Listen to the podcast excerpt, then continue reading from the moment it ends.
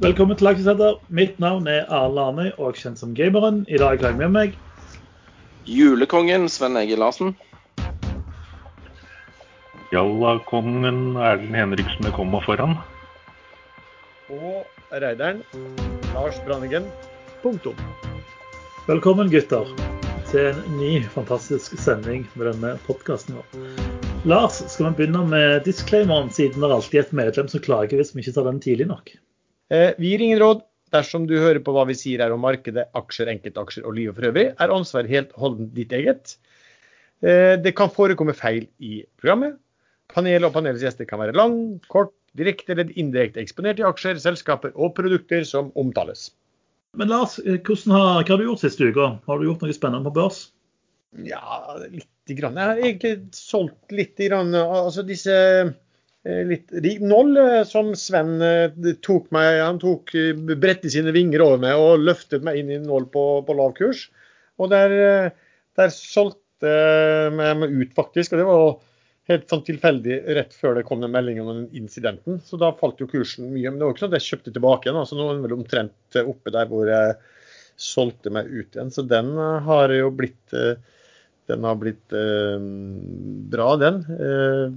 Skal vi se hva andre ting Jeg har ikke gjort så Jo, altså, jeg har jo eid den eh, Ocean Team som vi snakket om sist. Den har jo spika over seks kroner på noen tilfeller, og det har vært ja, litt nedsalg og litt sånt der. Og der har jeg kvitta meg med en god del aksjer der. Um, det var vel nesten på nesten dobbelt nivå av hva som hadde betalt for de. Så da er det alltid greit å ta litt eh, penger fra bordet der også. Så jeg sitter igjen med ca. Ja, vel halvpart der av hva jeg opprinnelig hadde. Som da er omtrent på samme Nå har den falt litt i dag, da, men omtrent, var, var, omtrent på samme eh, verdimessig nivå som jeg hadde når jeg gikk og begynte å investere i det. Eh, men ellers ganske stille. Du da, Henriksen. Har det skjedd noe på, ja. på gamlehjemmet? Jeg har latt meg lure litt av Lars, jeg, som anbefalte Ocean Team som det store, eneste lykkelige å eie i hele verden i et halvt år framover. Så... Ingen anbefalinger her, det vet du. Eh, det jeg har gjort, det er å faktisk kjøpe meg ganske kraftig opp i den i løpet av uka. Og jeg kjøpte mer senest i dag. Eh, nå kjøpte, du, kjøpte du Lars sine? Ja, det gjorde jeg helt sikkert. Så, men eh, jo, dere to er jo kjent for å selge altfor tidlig. Dere tar bare med det første legget opp, og så selger dere til meg. Og så tar jeg med de to neste leggene opp. Og så selger jeg, og så kjøper jeg meg inn igjen under dere. Ja, det skjer fort, det. Men nå var jeg ikke ute da, så jeg håper jo virkelig at du får rett at det kommer enda et legg opp der. Jeg regner med at den går veldig bra, jeg. Ja. Så det er jo, Caset er jo ikke noe annerledes enn da dere tok opp caset. Dere fikk med dere oppturen for dere kjøpte den før den stakk. Det gjorde ikke jeg. Jeg kjøpte den etterpå. Når du sier eh, dere, hvem mener du da? Sven er jo imot deg. Det er jo Lars som har kjøpt. Sven tror jo på komp. Det er Lars, stemmer det. Ja, ja. Men uansett, jeg hadde en del uh, Ikke Havjard, men uh, Hypro. Den gikk jeg inn i. Og den gikk ganske pent. Og den solgte jeg fordi øh, fordi den øh, Jeg fant en annen aksje, og det var egentlig ikke dårlig. For jeg solgte den på 44 kroner, eller 43, og nå er den på 38,50, så det var jo bare flaks. Men det var en annen aksje som gikk så bra her, også en hydrogenaksje. Da husker jeg ikke navnet i farten. Øh, den solgte jeg fordi det kom en emisjon. Jo, Saga. Saga er jo ikke hydrogen. Jo, det er litt av hvert. Saga Purre. Saga Purre. Ja. Det kom en emisjonsmelding, og da regnet jo alle med at nå skulle de bruke, bruke de pengene og investere i noe nytt med en gang. Og Simonsen ble jo CEO i det selskapet på tirsdag. Men det gikk egentlig med den som med de fleste andre aksjene. som eh, Det, det skjer ikke i morgen. Det var veldig sjelden skjer, og da begynte kursen å falle. Så den har jeg solgt meg helt ut av. Ble egentlig en passe gevinst, men det var langt under toppen. Men nå er den på vei opp igjen, ser det ut som. Men eh, Idrex er jo min uh, hovedinvestering nå. Uh, den har gått som jeg har sagt siden i fjor. Den, og spesielt etter at korona kom, så har jo bankene forsert uh, utrullingen av bankkort og kredittkort, Visa, Mastercard, alt med fingeravtrykk. Og man vet ennå ikke om Idrex får noen avtale med det, men nå tror markedet fast og fest på at de får det. Og nå er kursen på 2,90. Jeg begynte å snakke om den i fjor, da var den på 1,20, og så ramla den til 40 øre under eh, koronakrakket. Eh, Og nå er den på vei rett opp. Så der har jeg et kursmål på 3,80 faktisk, sånn for egen del. Hva andre eh, tror og mener og tenker, det må de finne ut av selv. Kjøper man, så er det på egen risiko. Det er high risk i denne aksjen. Plutselig får de ikke en eneste avtale. Eller det tar 14 år før de tjener penger, hvis noen tjener penger. Eh, Jeg tar sjansen. Spennende. Eh, Sven, har du funnet fram notatblokka di og sett på hva du gjorde sist uke? Jeg har tenkt litt, ja. Um, det er én ting jeg gjorde. Jeg var med i den Marcel uh, Det hørtes franskt ut, det òg. Marcel. Marcel. Ja. Emisjonen. Og så uh, han Tore som vi snakket om, han var flink. og Han skapte meg uh, låneaksjer i, i samme selskap. Emisjonen ble gjort på 10,5. Uh, jeg fikk uh, solgt de aksjene på rundt 11,5 til 11,60 faktisk. Fikk låst inn en fin gevinst der. Nå er aksjen på rundt 10 blank. Så prøvde jeg å, å, å trede litt skipssted i forbindelse med indeksendringen i Morgan Stanley-indeksene som var på mandag. Det gikk ikke helt etter planen. Oppførte seg veldig snålt i forhold til tidligere eh, tradingsmønster når ting skal inn eh, eller ut av indeks. Så den ble litt kjedelig. Eh, selve indekstradingen òg ble ganske kjedelig den dagen, når jeg tenker meg om. Men det kan ha noe med at det var første dagen med nytt eh, system på Oslo Børs. Ikke vet jeg. Eh, og så har jeg vært med i flere emisjoner. Og så selvfølgelig hoppet jeg på Lars sitt Surebet i OTS og tapte masse penger der. Nei da, det var kødd det siste der. Jeg har ikke vært borti OTS i det hele tatt. Nei, for du var jo, du var jo Team Bear. eh, Så nå Ja, jeg, jeg var litt sånn anti- anti-OTS. det er jo et tilbud på ost over hele dagligvaremarkedet for tiden. Du får jo en greddost til 1790 over hele universet. Ja, lykke til Jo, å prøve å finne en greddeosten til 1790. De prøvde jeg i dag, fordi greddost er jo litt nice å ha på kjeve av og til. Jeg har to greddoster i kjøleskapet. jeg. Kjøpt til 1790. OK, jeg går inn og henter en. Hei, La- Men du får, sånne, du får faktisk sånn hollandsk gouda, den som er den beste goudaen. Eh, De goudablokkene er til 87 kroner kiloen. Ja, når, vi, når jeg er til 78, faktisk. Ja. Hvor finner dere en mer vellagret ost enn OTS, som har ligget i kjelleren i tre år nå, eh, på kjøl og bare blitt mer og mer muggen? Det er- Muggen? Jeg syns, fortsatt, fortsatt at OTS er uspiselig. Jeg tar heller en vellagra Jarlsberg enn Hva er det det som lager litt sånn dung-lyd i ørene? Ja. Å, fy faen. eh, det, var, det var fjøra til mikrofonstativet mitt. Mikrofonarmen, heter det. Eh, ja, gjort noe mer Sven, enn å kjøpe ost. Eh, du gidder ikke å spare penger på forsikring, men å kjøpe billig ost, det er du god på. Ja, jeg vet ikke hvorfor. Det er psykologisk. Jeg kunne fortalt mye om eh, hvor langt jeg har kjøpt for å, kjørt for å eh, spare 20 kroner på ett kilo gau, som sånn Norvegia. Hva er historien, Sven? Det er fredag. Nei, det var bare veldig langt, da. Okay. Så, og midt i tradingtida. Så det jeg tror jeg kunne sikkert, det har sikkert vært verdens dyreste ost. Ja. Eh, en- uka mi har faktisk vært litt spesiell eh, sist uke, fordi eh, det, svingte, det snudde jo litt i eh, eh, snudd- Svensk gaming. I gaming har snudd, altså jeg har solgt meg ned. Eh, litt fordi jeg er Markedet føles litt nervøst, men òg fordi jeg planla penger for å handle i Thunderfull. Men så prater jeg jo med disse gode vennene mine, så nå har jeg jo plutselig kjøpt masse good og enda mer HCCH. Så får se hvordan det går med, med, med tips. Ja. Det, det, der er det av, av, avstemming i dag. Klokken Yes. ti lokaltid i New York City. Det var Jeg regner med, regner med at det er grei skuring, og aksjen går til 25. Ja, for hva som skjer på den avstemningen? Hva kan man stemme over? Er- Stemmer man endelig over sammenslåingen der nå? Å, du har ikke fått med deg det engang, men aksjer har du kjøpt. Ja, jeg hører på gode venner, jeg. Al aldri hør på tips, det er mitt tips. Ikke gjør Så som altså, ikke, ikke hør på mitt tips heller, da. Eh, Eh, så nei, det er avstemning om, skal, om HCCH skal fusjonere med Fusion Fuel eh, Green Er det Limited eller PLC? PLC er det nå. Det er det de stemmer over.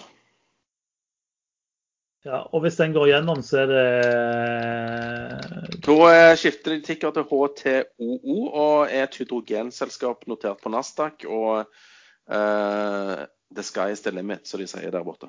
Men Sven, eh, når vi snakker med emisjoner, det, har jo, eh, det slutter aldri å regne emisjoner og IPO, virker det som. Eh, og du har jo notert deg ned ukers emisjoner. Jeg har tegna aksjer i emisjoner. Jeg har tegna og fått tildelt aksjer i Element. Den er jo bra. Nå går de fra sånn gruvedrift til sånn kryptogruvedrift. Og så har jeg tegna Purus, fikk 3,5% av det jeg ville ha. Uh, NOAP, det er det der eh, sjømat, fiskeselskapet til Fredelig Hospitalen i Kina. Og så har jeg tegna noe som heter Skitute, som er noe sånn der he heiskortteknologi via app osv. Så, videre. så det er mye som skjer. Masse spennende. Og så er det en emisjon i noe som heter Bevi òg. Jeg vet ikke hva det er for noe, men sikkert bra den òg. Det, men kan vi ikke begynne med Element? Eh, du, du nevnte så vidt at de skulle øke noe kryptogreier. Hva skjer egentlig i Element? For den har vel steget ganske brutalt i dag? I dag, i dag sånn opp 25% var vel opp 35 litt tidligere. Eh, de har kjøpt et selskap som heter Harmony Chain, eh, som driver på med noe Eller de har kjøpt et selskap som lager noen prosessorer til noe kryptomining. Og har med seg egentlig ganske flinke folk på laget, med han Tore Johnsen, Tore Sviland og, Chris Jacobsen fra, som var med og starta Pareto. Så uh, virker som han uh, Sakrisson, som jeg har hatt gleden av å samtale med et par ganger, uh, har fått med seg et ganske bra lag, i hvert fall på papiret. Så det blir spennende å se hva de, hva de gjør der. Eller, jeg lurer på om Element skal liksom bli sånn Aribatek bare innen krypto, at de kjøper opp forskjellige eh, selskaper innen det segmentet. Eh, jeg har spurt på ekstrainvestor om noen kan forklare veldig kort uh, hva dette er. Hva de har gjort når de kjøpte Harmony Chain. Og noe av clouet er at Harmony Chain kjøpte et selskap som het Locotech. Og de har utviklet en chip, en utviklet system som gjør at mining av lightcoin, ikke bitcoin, men lightcoin, blir mye mer effektiv når den settes sammen med hardware. Og så skal de få en månedlig fee for å la kjøperne bruke dette utstyret. Så plutselig er det payback til eh, da Element, som nå er begge selskapene, eh, fra, brukerne. Og de tjener penger når de selger dette utstyret. Så konseptet høres faktisk ikke helt eh, galt ut. Med en liten disclaimer så har jeg tatt en liten post i dag ettermeldingen, selv om den da var over 30 opp da jeg kjøpte.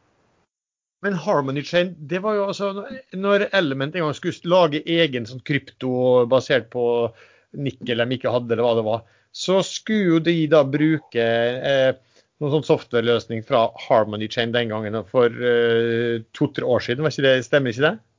Det stemmer. Men da var det egentlig bare Hans Sakrisson som var Harmony Chain.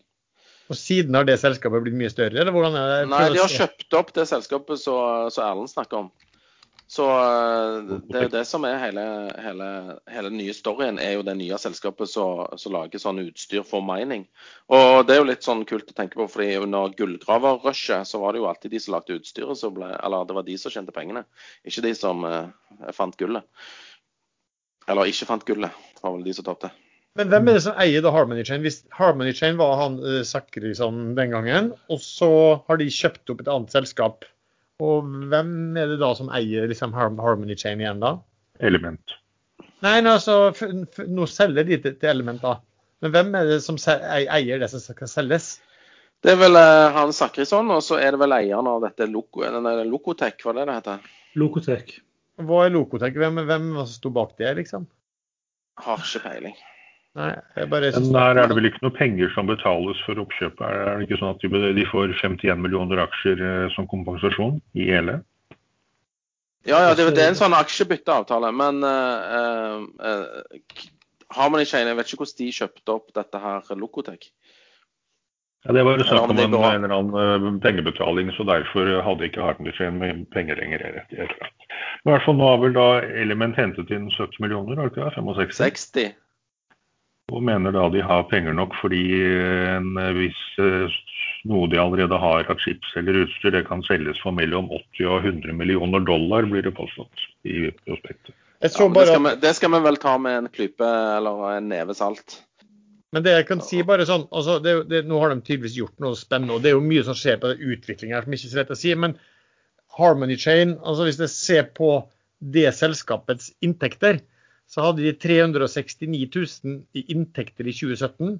Ja, men kjære deg, da, Lars. 136 i 2018 og 0 i 2019. Jeg bare er litt opptatt av hva de egentlig altså, Hva har de kjøpt? Jeg skjønner at de har kjøpt Ja, men drit i gamle Harmony Chain. Det er jo bare Altså, det er bare noen ideer om noe som ikke ble noen ting av. Nå Men- har de jo fusjonert med Locotec. Altså, Det eneste Element nevner i den meldingen, er egentlig Locotec. De okay. prosessorene til, eh, til Altså, drit i det.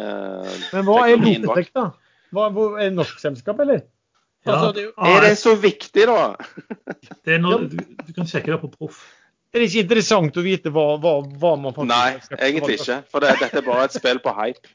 Nei, Dette er bare, ja, dette er bare Nei, tull og tøys. Det er jo greit Sven sier det, at det er bare en spill på hype. For det er jo helt Altså, det er jo lov å gamble på en hype. Ja, men se- du ser hvem som garanterte for den emisjonen i Eli i. Så var det jo uh, Altså, du bare hiver seg på, dette går sky high, og så får det krasje.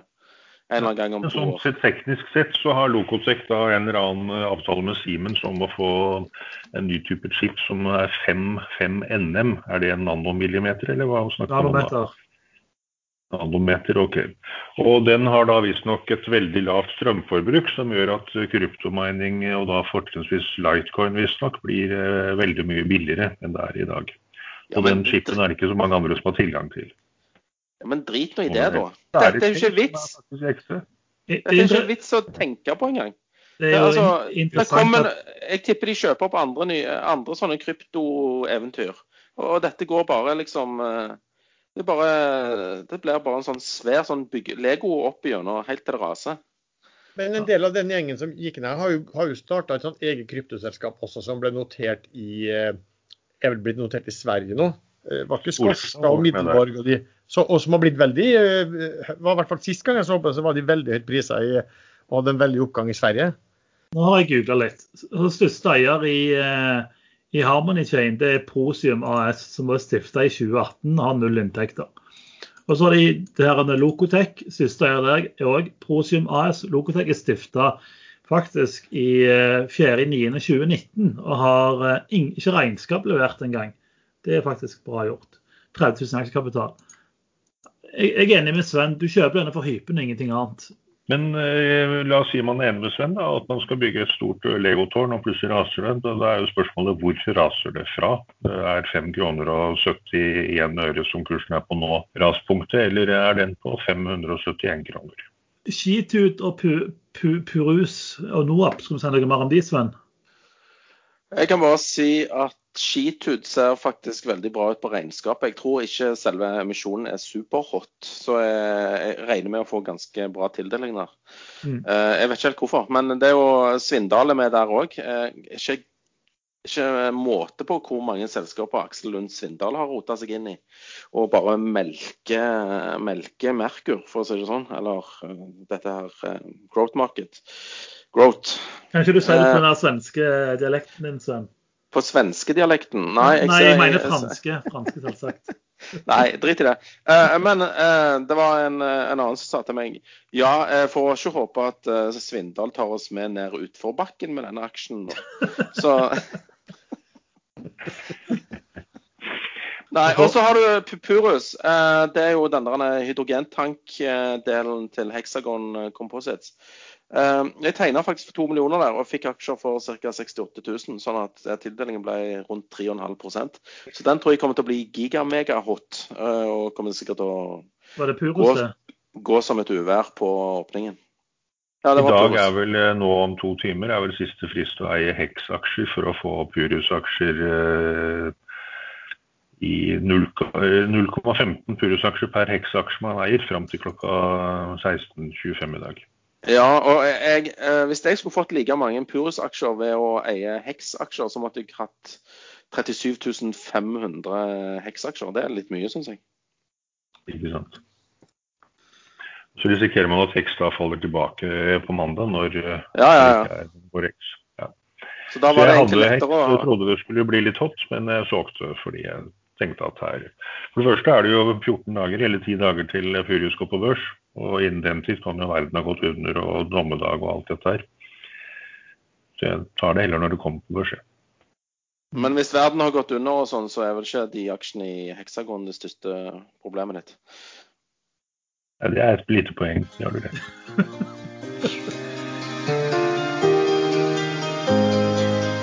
Dagens sponsor er som alltid IG.com.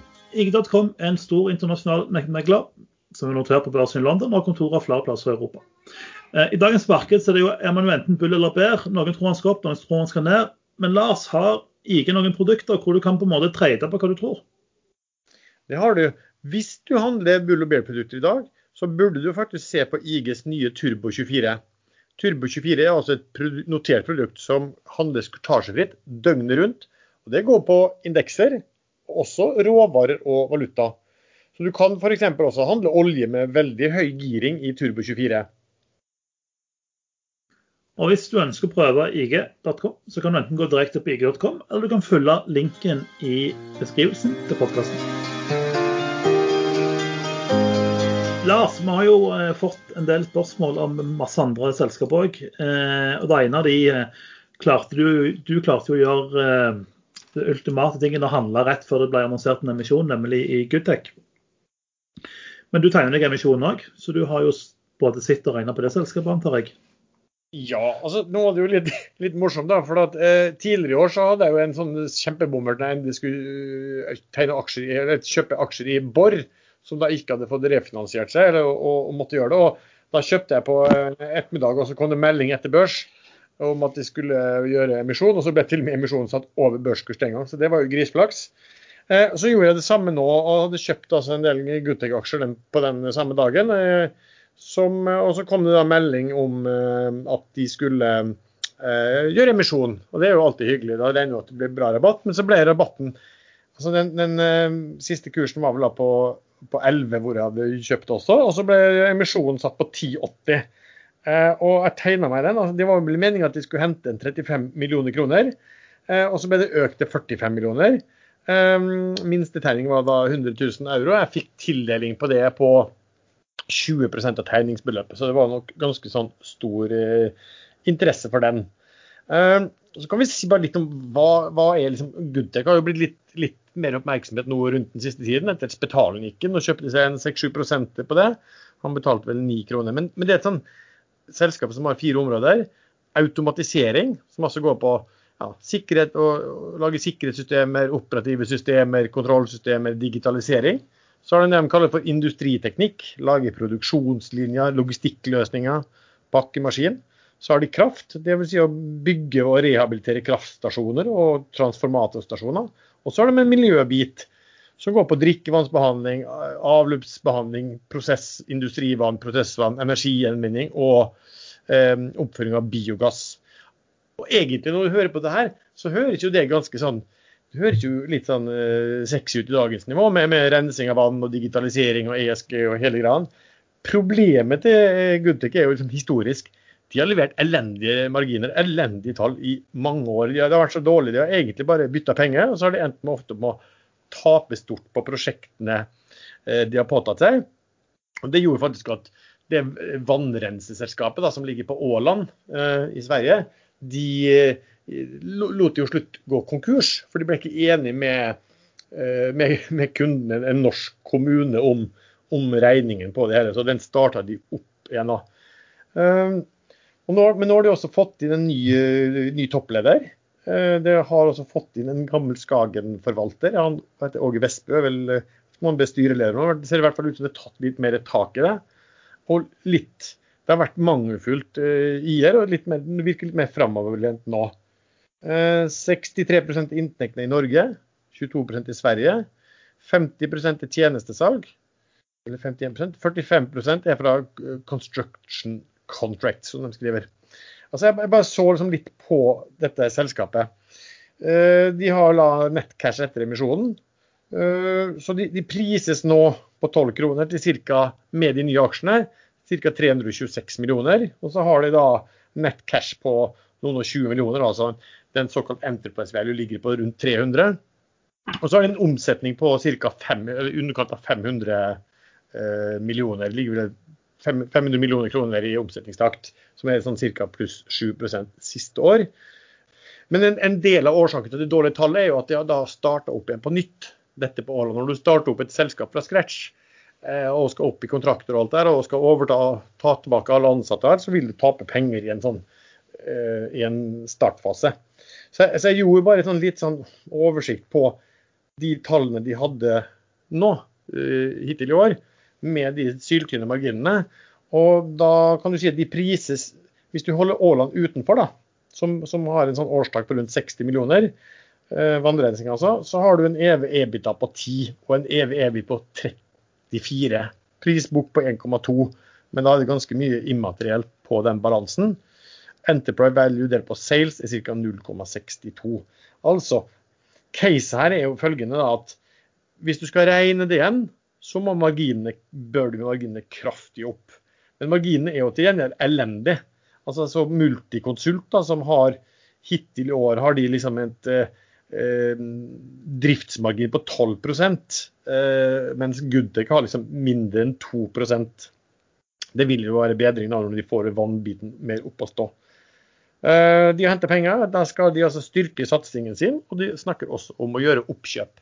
Så, så det er vel sånn todelt her, da, at du, du, har fått mer oppmerksomhet rundt det. Det bør være mulig å øke de marginene. Altså, det har vært helt ja, elendige marginer. Det bør være mulig å øke de betraktelig.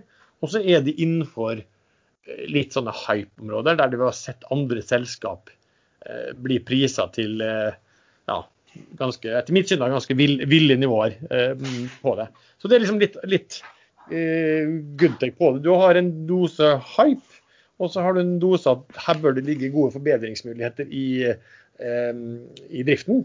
Eh, og så har du en historisk svak, eh, svake resultater. Men det, det, som var litt interessant, Lars, eh, den ene divisjonen deres som driver med kraftverk. og Nå begynner jo på en måte debatten å gå litt i Norge, for nå har vi bygd masse av disse stygge vindmøllene overalt.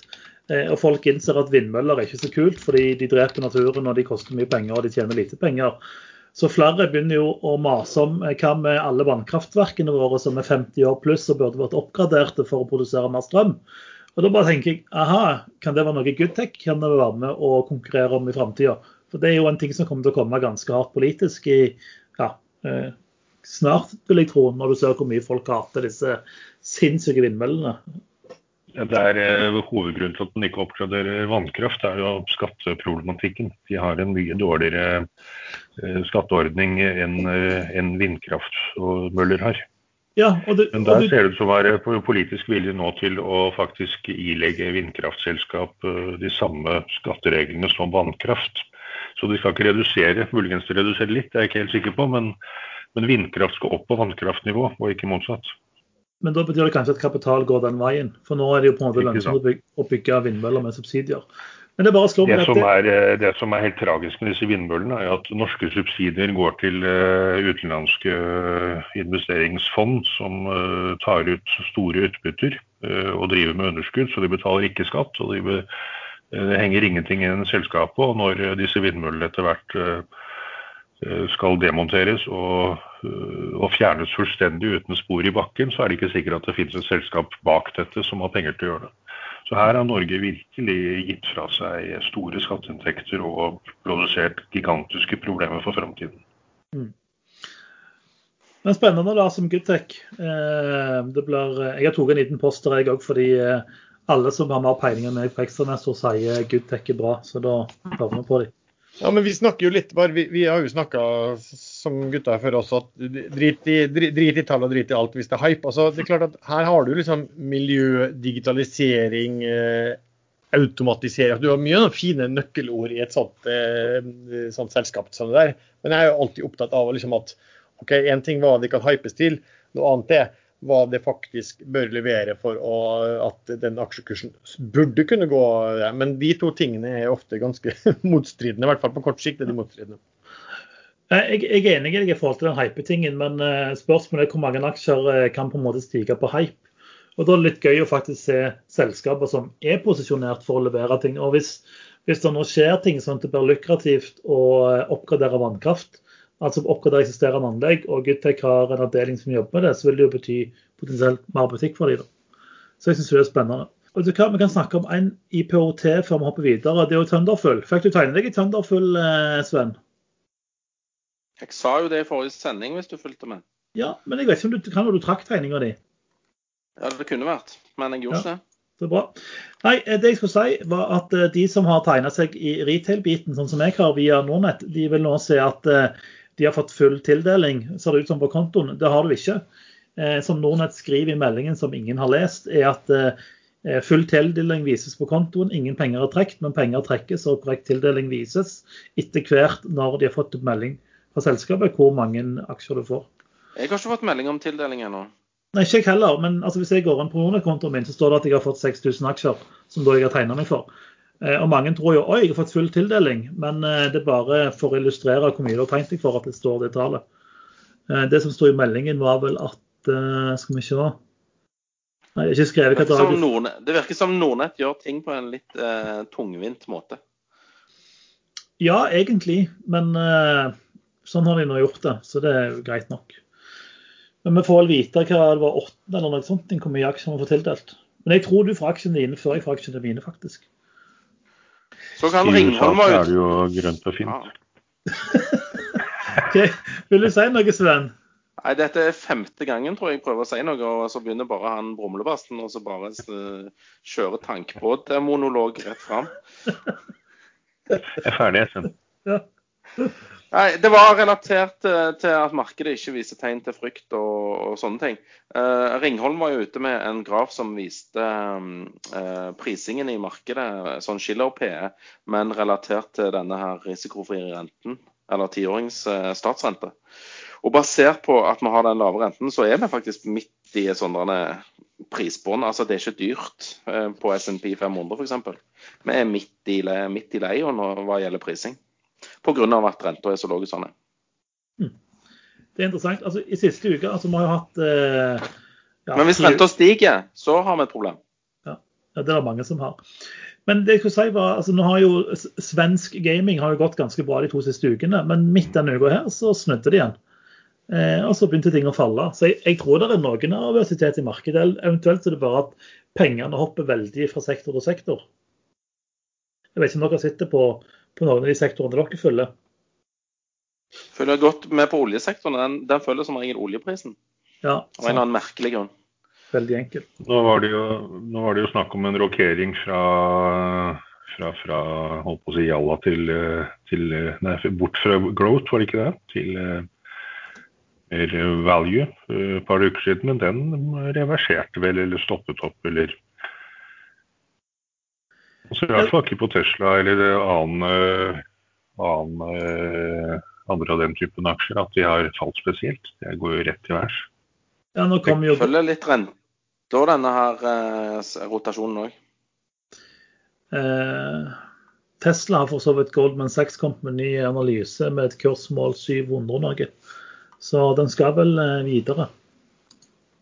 Men Men eh, Sven, det du sa i stad med at uh, rentenivået er så lavt og derfor er egentlig aksjer billig. Uh, grunnen til at rentenivået er lavt, det vil jo kanskje medføre at det kommer at det ikke er så billig for det. For det er veldig mange arbeidsløse, og det kommer til å bli veldig mange flere.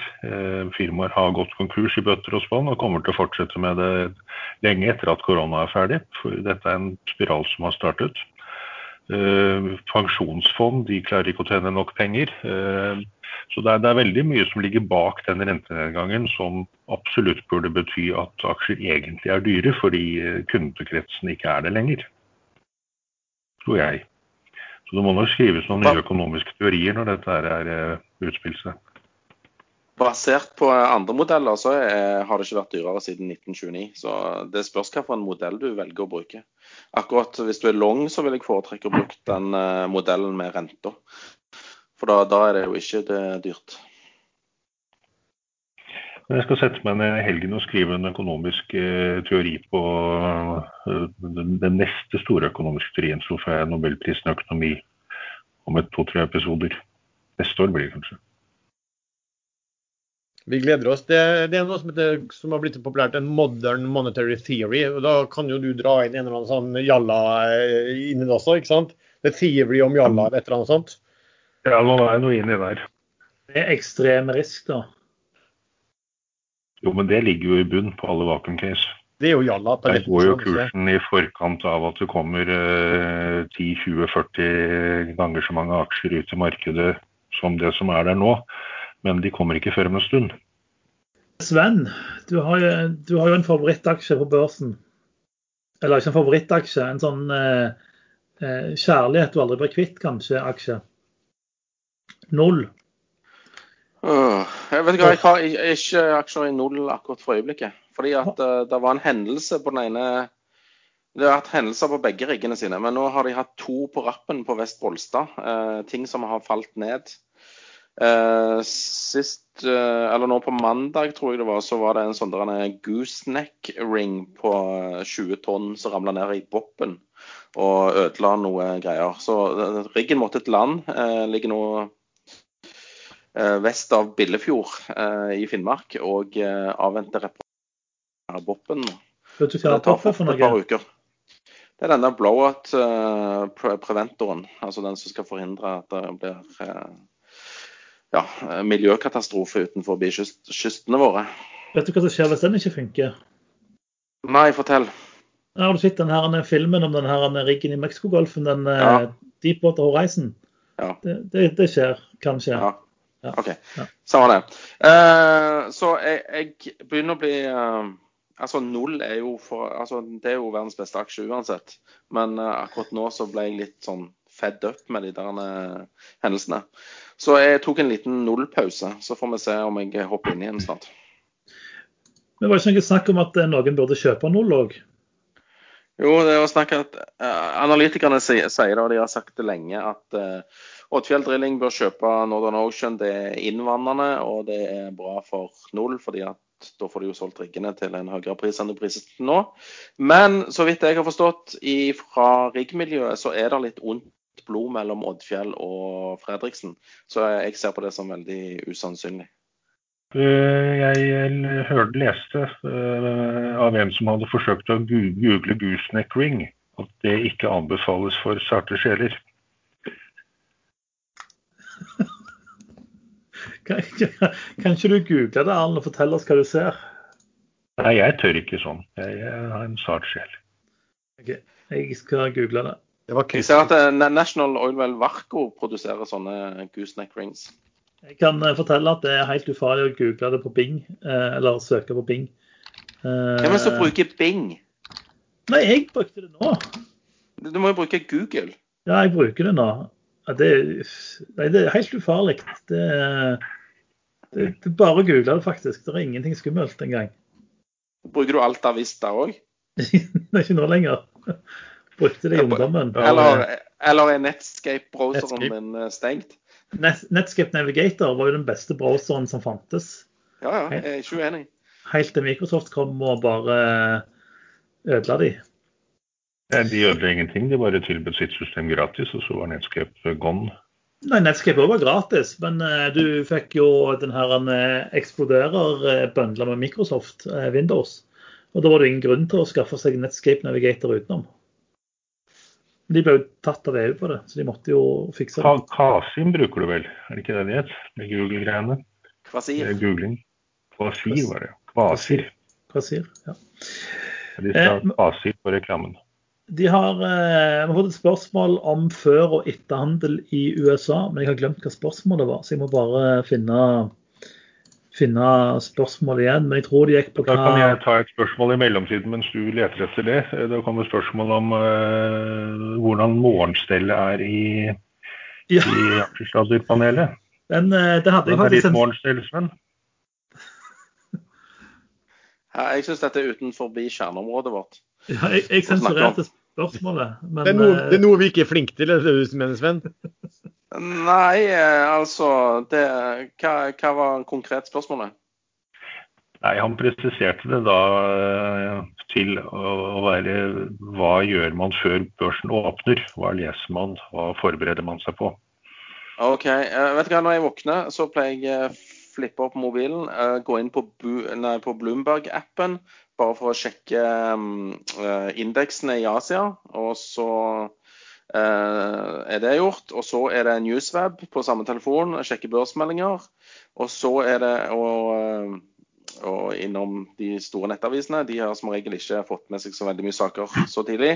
Men uansett så er det å stå opp, eh, gjøre det du skal, levere unger, eh, sette på noe kaffe. Og så er det å lese nyheter igjen og se på kurser og lese analyser og mails og hele den pakken der. Var det greit svart? Det var veldig bra svar. Hvordan er ditt morgenstell, eh, Erlend, når du finner barbermaskinen? Nei, jeg er jo da hører til den eldre garden, og da var det en som påstår at de gamle må vel late vannet tre-fire ganger. Eh, Det er eh, sikkert mulig for Lars og Sven, men jeg sliter ikke med sånne ting. Men det var ikke svar på spørsmålet. Hvordan er morgenstellet ditt? Nei, jeg pleier å ta det kvelden før. Jeg. Det er veldig, veldig sjelden jeg gjør noen endringer. Eh, Jeg leser meg kvelden før. Da går jeg gjennom chart og hva som skjedd i en aksje. og Da er det kun en børsmelding eh, fra et selskap som endrer en eventuell plan. Ikke, bryr ikke markeder i andre deler av verden, liksom. Det driter vi i. Ja, men de er jeg ikke. Jeg bryr meg ikke om dem. Nei, men Hvis f.eks. Nikkei var ned 10 da. Jo, men jeg legger meg ikke Ja, det ser jeg jo. Det, det sjekker jeg før børsen åpner. Men jeg får med meg hva børsen endte på USA lenge før jeg legger meg. Så Ja, det er så veldig lite. Det, å skulle ta store valg rett før åpning Jeg har jo sjelden cash tilgjengelig. Da. Jeg er jo stort sett eh, fullinvestert hele tiden. Lars, hvordan... i dag, eh, i dag tok jeg en vurdering når, når Norwegian da ikke kom med denne meldingen sin, som skulle komme i løpet av et par timer. Så dumpa jeg alle på Open og satt igjen med to øre gevinst i den. Og så kjøpte jeg da Element og Soff, som kom med en flott melding. Maximum, Maximum, Maximus. Den har fått et tre måneders oppdrag. Fem måneder inkludert mobilisering og demobilisering. Eh, Og det, det reddet faktisk selskapet. En eh, obligasjonseier jeg snakket med i dag, han sa at de ville blitt slått konkurs i dag. Eller prosessen startet hvis ikke de hadde fått vekk kontrakten. Så man kan nok ikke forvente all verdens marginer på den kontrakten, men da har de klart å pushe problemet De, hadde skylder 3 milliarder kroner på den båten. Eh, Og leasingtakeren kunne krevd de pengene hvis ikke de hadde fått en kontrakt. Så, så, Så da har de pushet det fem måneder fram i tid. Sånn rent Ja. apropos morgenstell, hva du tenker på det?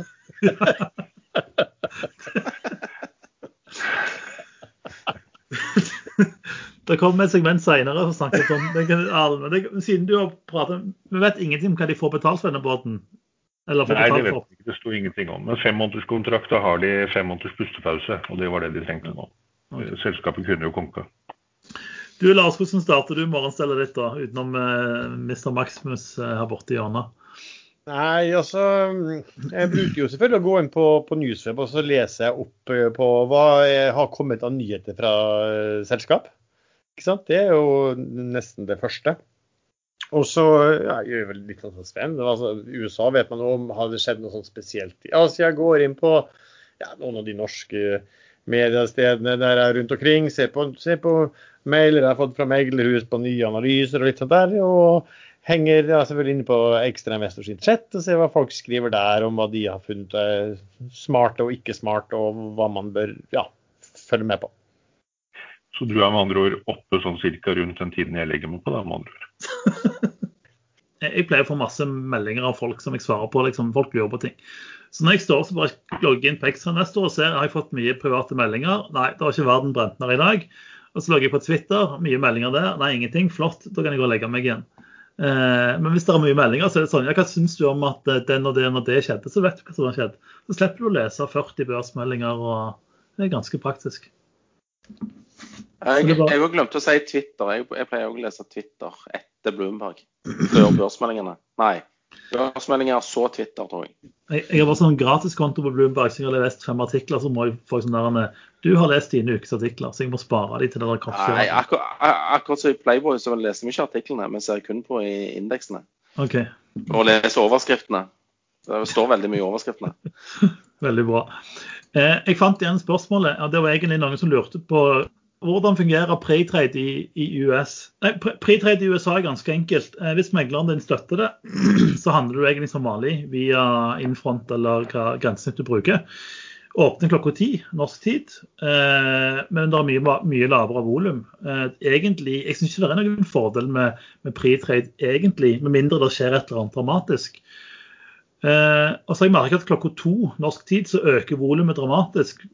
Mens børsen åpner vel tre? Hvilken tid er børsen åpner i USA? Vi, Halv fire Halv fire, ja. Så pre-trade fungerer som vanlig, bare det er mindre volum, egentlig. Men hvorfor eh, blir det mye mer volum klokka to? Jeg vet, jeg vet ikke. Jeg lurer på om Da, da åpner amerikansk pre-trade. Aha. Det har jeg lurt på lenge. Ja, nå fikk du svaret. Nice. Da lærer vi i dag òg. Eh, Egentlig, egentlig åpner det ett, altså, men før var det to. Ja. Eh, så det er egentlig volumet kommer klokka to. Ja, nei, du, du, du merker det ganske mye. Eh, og pre-trade-prisene er ganske ja, De kan være ganske gjalla, men volumene er små. Men det, hvis det skjer en nyhet, så har du, har du tilgang til pre-trade, så kan du på en måte f.eks. trade Tesla da, det kommer en, en nyhet før de store hordene dukker opp. Eh, og det samme med etterhandel. Den eh, ja, begynner når børsen stenger og varer noen timer til, og så kan du handle akkurat likt. Vet du hva vi har glemt å snakke om? Vi har glemt å snakke om den franske åpningen eh, som var på mandag. Og Ja. hvordan opplevde den. Den må vi snakke litt om. Ja, vi kan det. Hvordan, Sven, hva føler du om har eh, sladra til deg om den, Sven? Dette snakket vi om eh, sist uke, hvis du ikke fikk det med deg. Det er et nytt eh, handelssystem. Ja, den på børsen. Ja, den er jo det. husker jeg. Eh, Hva syns dere om børspauser? La oss begynne der. Nei, men altså, selve åpningen foregikk jo uten dramatikk, eh, mer eller mindre. Det, det virket jo nesten som det skulle. Og det var vel over all forventning. Men eh, når sant skal sies, så hadde de kjørt en test på lørdagen, sånn at de, de hadde forsikra seg om at eh, ting virka sånn det skulle.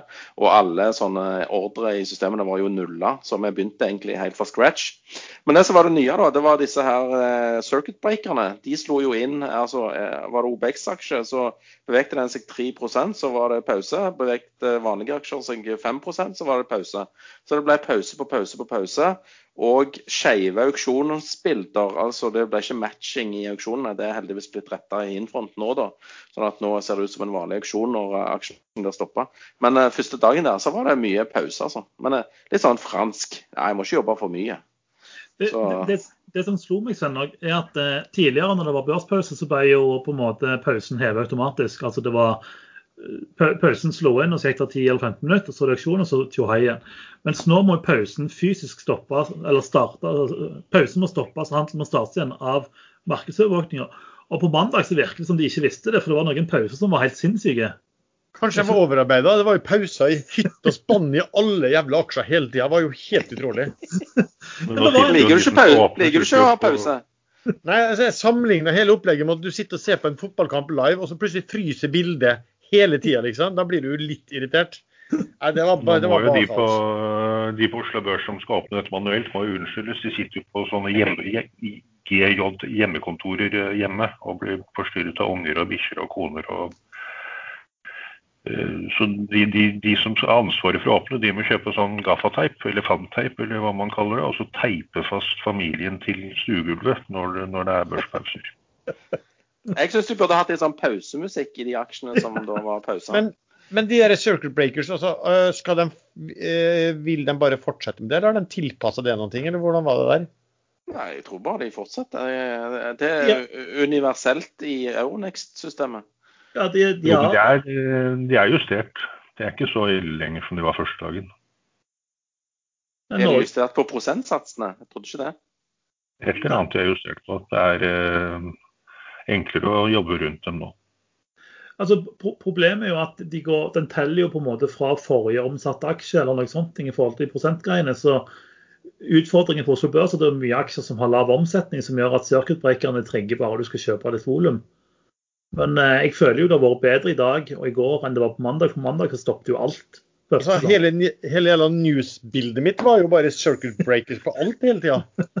Jeg måtte fjerne den feeden, jeg. For det, Ja, ikke sant? Det, samme Det- det- med meg. Ja, for den dekte absolutt alt helt. Vi fikk jo ikke med deg når det kom andre nyheter, for at det var bare ja. Men de, de må jo tape penger på det, fordi det er jo på en måte når folk er jalla at du tjener penger, og folk bare handler og kjøper og selger som galne fulle sjømenn eller sjøkvinner eller sjøpersoner. Eh, Men her snakker du om seriøse finansaktører som ikke skal sende penger eh, eh, på jalla-trading. Nei, men jeg tenker jo alle, alle retail som på en måte brenner kortasje som, som galninger. Det, det var eh, ironisk ment. Å ja, ja, vanskelig å lese ironi, faktisk. Men uh, det er en ny ting som jeg kanskje kan eh, snakke bitte litt om. Det er at nå kan du handle på overtid uh, på Oslo Børs. Ja, hva er det for noe? auksjonen er jo ferdig 16.25. Og så kan du handle mellom 16.25 og 16.30 på eh, sluttkurs. Altså du kan kun handle til sluttkursen hvis det ligger aksjer igjen. Du kan eventuelt selge på biddet hvis det er sluttkursen, eller du kan kjøpe på Ask hvis det er sluttkursen. Så det er en, eh, en nyvinning Ja, den sy- verdt å få med seg. Den syns jeg var ganske fin, egentlig. Ganske bra, egentlig. Ja, egentlig. Hvis, hvis det, Ja. du har gått glipp av noe, så Oi, søren, jeg glemte å kjøpe Goodtech. Eh, Oi, der ligger jo 100 000 igjen der. De- tar jeg, liksom. Men kan du, kan du også legge ut på sluttkurs, eller kan du bare kjøpe på sluttkurs? Ja, kjøpe eller Altså, du kan kjøpe på den, den kursen om det, om det da Er det matcha sist, om det da ligger netto kjøp eller netto salg Jeg- tror kan du du- ta på det. Ja, du kan ikke eh, legge ekstra volum til salgs, f.eks. Men du kan kjøpe det nivået som ligger der. Ja. Er Eller, selge, eller selge på det nivået som ligger på kjøp. Ja. Ja, Så det er restefest, egentlig. Det er restefest. Litt sånn klokka to i baren på kvelden. Jeg vet ikke hvordan du opererer Nei, på jeg er- kveldstid. Det er Erlend som har fortalt meg historier, så jeg eh. Men er det noe mer, eh, det noe mer eh, spennende som på en måte har blitt introdusert, Så, Eller er det på Eh, ja, tikkerne. Jeg, eh, jeg sitter jo og følger med på feeden, og så plutselig dukker det opp noen tikkere, så vet jeg ikke hva det er. Eh, så jeg må lære meg å, å altså F.eks. Otek er jo da Otello. Eh, og så, så, så jeg måtte lære selskapstikkerne på nytt igjen i enkelte selskaper. Ja, det, det jeg skal jeg på, på watchlista mi, og det dukket opp et eller annet A-gass der. Jeg skjønte jo ikke hva det var for noe. Ikke sant? Det er sånne ting. Men det, det går jo fort, da. Ja, og så har du, så har du Kahoot. Det, det var jo K-Hoot. Eh, men de sendte melding og ville skifte tikker fordi at de var ikke fornøyde med den.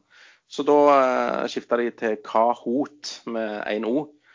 Og, men det kom ingen melding om det, så det gikk en, nesten en dag. Eh, altså Jeg satt og stirra på K-hut, og det skjedde det var ingenting der. Jeg skjønte ingenting. Så jeg skifta Da må jeg faktisk eh, komme med en liten reklame for DNB, for de byttet alt dette helt automatisk. Jeg trengte ikke gjøre noen ting. I Kahoot òg, Eh. så kom dagen etterpå. Vi se. Kahoot det står nå som Kahoot. Ja, men det er jo det jeg, det er jo det jeg sier. Det, først var det KHOOT Ja, ja. på mandag, og så var de misfornøyd med det. Mm. Litt, litt Ja, rart når de den eh, ble endret til Kahoot, aner jeg ikke, men eh, nå står den for så riktig. Men alt gikk helt, helt automatisk. Til og med på TradingView, som jeg bruker på eh, chartene mine, så ble alt endret helt automatisk. Jeg er jo litt overraska at Kahoot venter til, til det blir endra, for alle har jo visst i en måned hva alle tikkerne skulle bli. Så det er bare sånn Å nei, fillen, den tikkeren så dårlig ut i traderen min, vi må ringe og klage, liksom. Men jeg ikke. Kanskje det var at aksjekursen gikk ned, og så eh, Nei, vi vil ikke ha det. det. Det var en dårlig ting. Vi må endre Eller så bestyr kanskje Kahoot betyr noe stygt på et eller annet språk. Sånn som den eh, her. bilmodellen som het Honda i Norge, husker jeg ikke hva den heter, men i, Honda, i Japan så het den Honda Fitta. Ja, den heter noe annet i Norge, heldigvis. Og. Ford Kuga. Ja. Men eh, det kan ikke være fordi de skulle gjøre noe innsidesalg, da. Så når de bytter tikker, så er det ingen som har eh, skjønner hva aksje det har vært innsidesalg i. Nei, jeg tror ikke det var det, Erlend. Nei, jeg vet ikke. Eh, skal vi se. Eh, jeg har eh, et spørsmål igjen, tror jeg. Og det er Roblox IPO. Noen av dere som vet hva Roblox er? Nei. Det er da en stor gamingsak i USA. Eh, som typiske tweens eh, spiller og bruker tid på og penger på. Vokst sinnssykt under koronaepidemien og skal nå ha en IPO for å utnytte, eh, utnytte effekten. Eh, spørsmålet er egentlig om det er spennende og noe vi vil tegne i. Eh, les regnskap og se om du vil tegne etterpå. De tjener veldig, veldig, veldig lite penger og er veldig, veldig høyt priser. Eh, og jeg lukter at de bare utnytter moment i markedet for å, for å kjøre en IPO. Og når du vokser så mye som de har gjort, og ikke klarer å tjene penger, så begynner man å lure litt hva som skjer. Lars, vi har faktisk glemt én aksje før vi, før vi nærmer oss å runde av. og Det er jo Aega. Vi har fått inn mye spørsmål om den. og eh, Vi fikk jo litt pes for å prate om den, for det var så lite omsetning og sånne ting. Men den, ja, hva, hva skjer i Aega? Eh, Kudos til han innsideren som klarte å treffe toppen på 5,20 med salg av alle aksjene sine. Det er jo fantastisk bra eh, timer. Og det Så mistenker jeg hadde med at han var vel rådgiver til selskapet. Jeg tipper han var rådgiver til selskapet i forbindelse med at de de eh, kjøpte noen nye sånn solparker. Også, for det kom vel samme dag at de endelig hadde at de hadde closa en eller annen kjøpt av noen parker i Italia. Sånn at han ikke var Jeg, jeg, jeg mistenker Kanskje han var kjempesmart og flink, da, men kanskje han ville ellers solgt før. For jeg har jo sett at disse her eh, Du mener bare det eierne- var flaks? ja, altså største, Han kan jo regne, da. Og største Ja. eieren i, i selskapet har jo solgt, uh, solgt seg helt ut av øh, det. Så det er jo liksom litt, litt eierløst, da. Det var jo veldig, når vi begynte å snakke om det, Sven, så var det jo veldig enkelt. altså For ikke mange måneder så var det veldig enkelt å regne på det. De hadde sånn ca. 1,70 i cash. Uh, og det har de brukt å kjøpe sånn? De investerer i solparker. og De har brukt å kjøpe nye solparker. Eh, og, så gikk, og så kjøpte de seg også, brukte også en del penger å kjøpe seg inn i et Norsk Solar, som det heter, et selskap.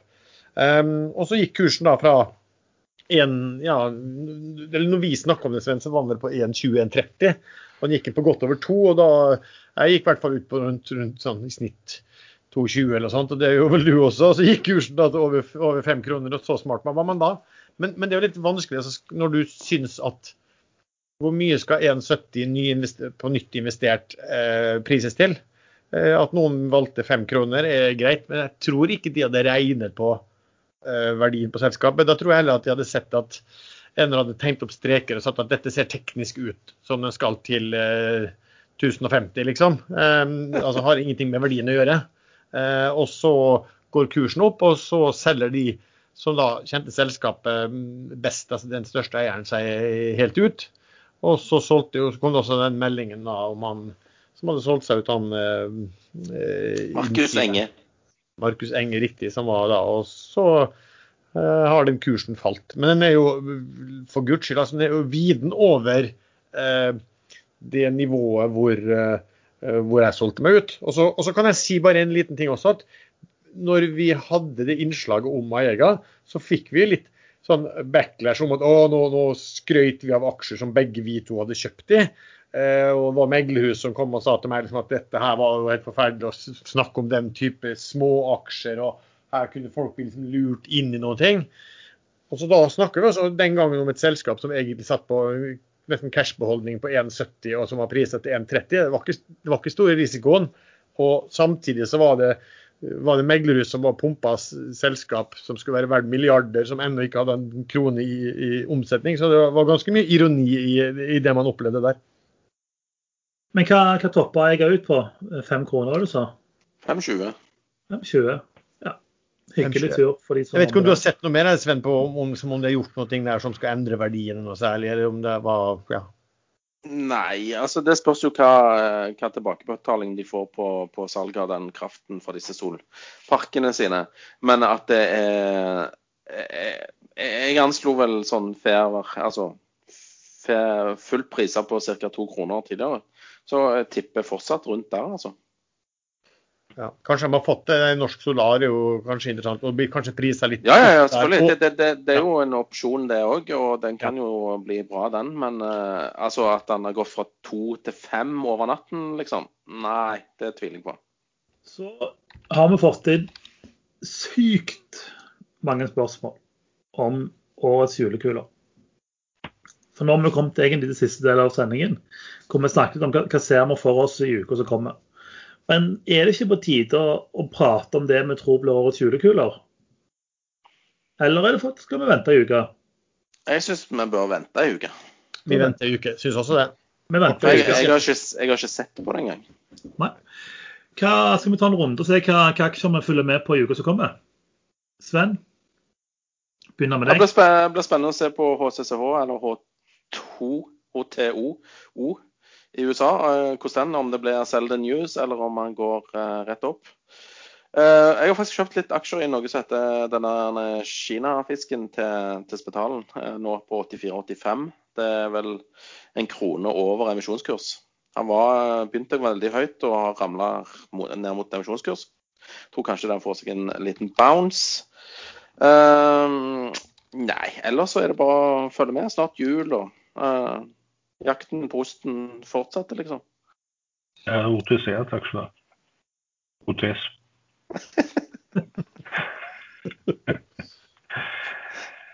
OTS kan bli en julekule. Den kan... Ja, men det, dette er ikke julekuleprogrammet. Hysj! Nei, OK. hysj. Nei.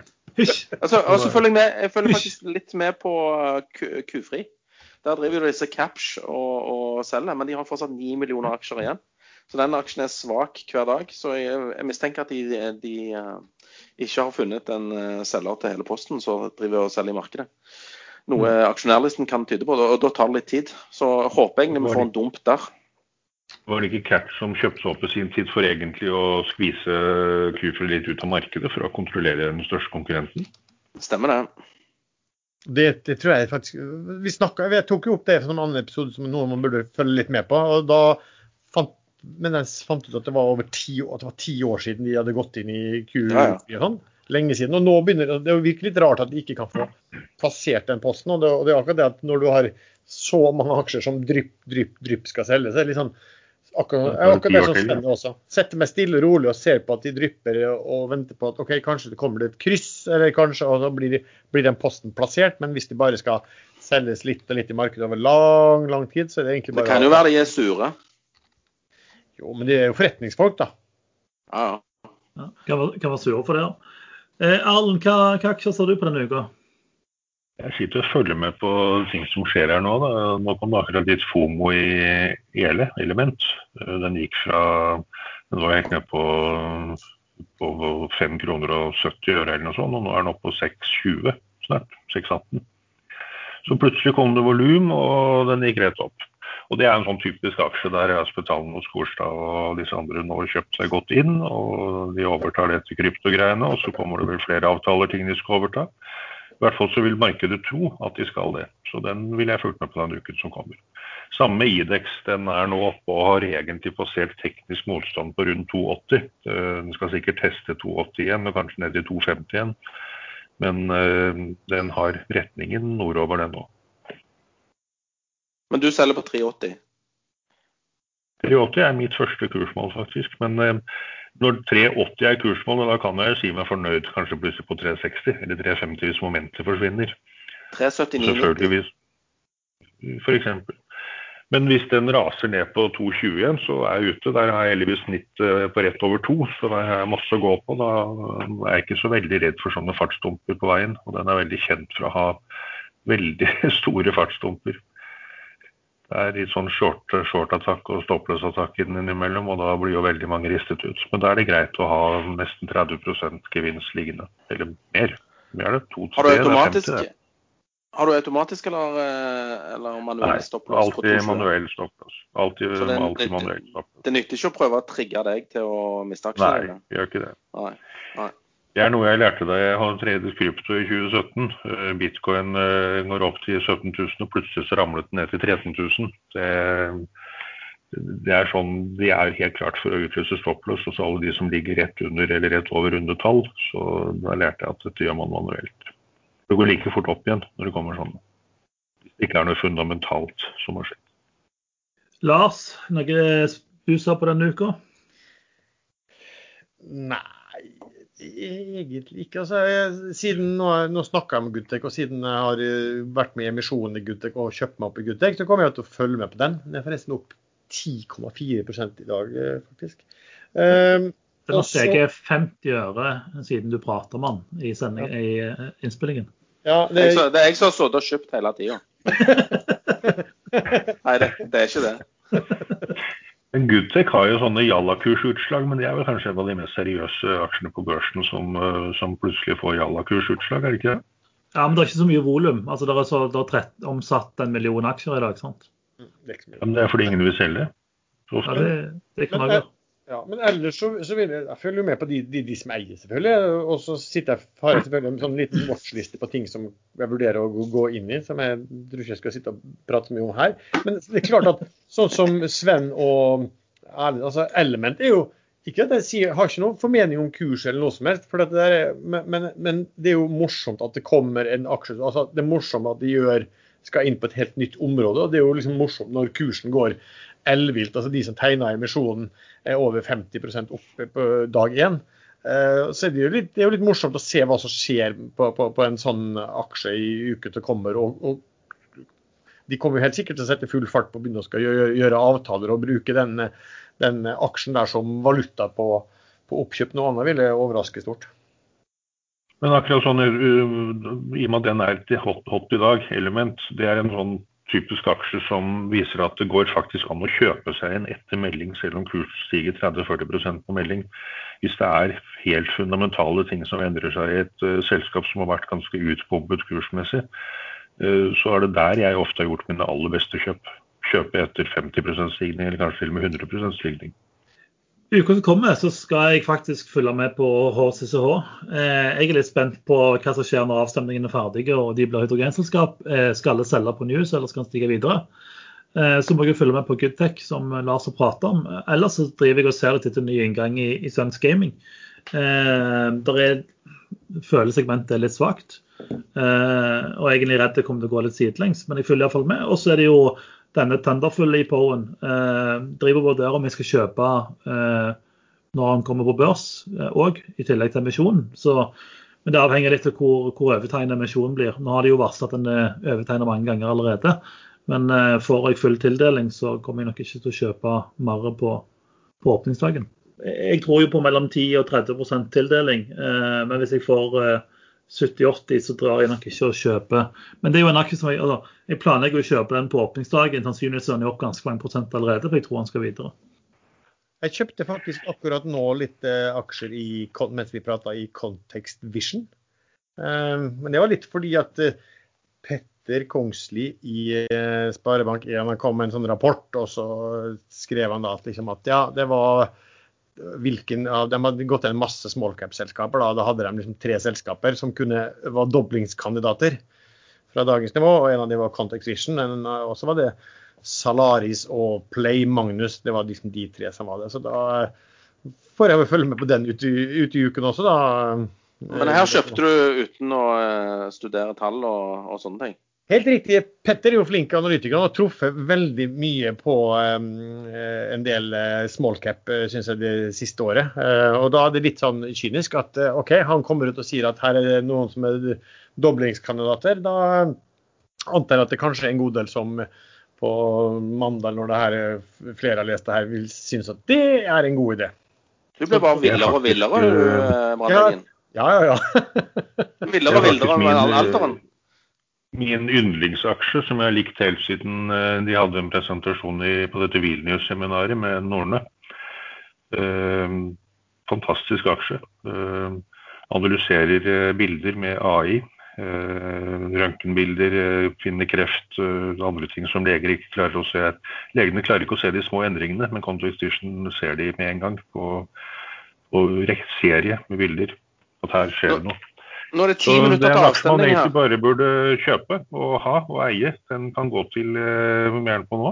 Uh, ja, hvis man greide å kjøpe den. 20, noen og 70 nå. Bare for å helle litt kaldt vann Noen og 70, eh, eller? 20,78 ligger på kjøpet akkurat nå. Den tror jeg skal til 200, bare å kjøpe. Jeg har den ikke selv. Aldri hatt den. Bare for å være negativ. Eh, det å analysere sånn røntgenbilder og MR er skitvanskelig og en av de store holy grails innenfor datalæring. Så det kan godt være at Context Vision prøver, for det gjør 50 eh, 000 andre selskaper òg, men det er ingen som har klart å få gode, få gode ja, ikke erstatte leger ennå. Nå er denne her HCCH opp 10 eh, i forkant av avstemningen som skjer om ni minutter. Så ja. det kan tyde på at, uh, at Ting, det blir at det, ja. At det går igjennom. Veldig bra. Så er spørsmålet blir det Sell on News. Det kan fort bli. Det kan fort bli det. Skal vi, skal vi, avslutte så vi kan følge avstemningen live? Uh, ja, det foreslår jeg at vi gjør. Ja, så vi takker for at du har lytta til denne episoden. Eh, siste episode var veldig bra. Vi hadde det veldig morsomt vi lagde den. Vi holdt på over to timer. Men det som var enda mer spennende, det var jo at de fleste episodene våre gjør det litt bedre enn den forrige. Men den forrige episoden knuste all time high-en med eh, hvor mye var det, Lars? 15% Ja, jeg tror vi nådde nesten 17 i forhold til forrige rekorden.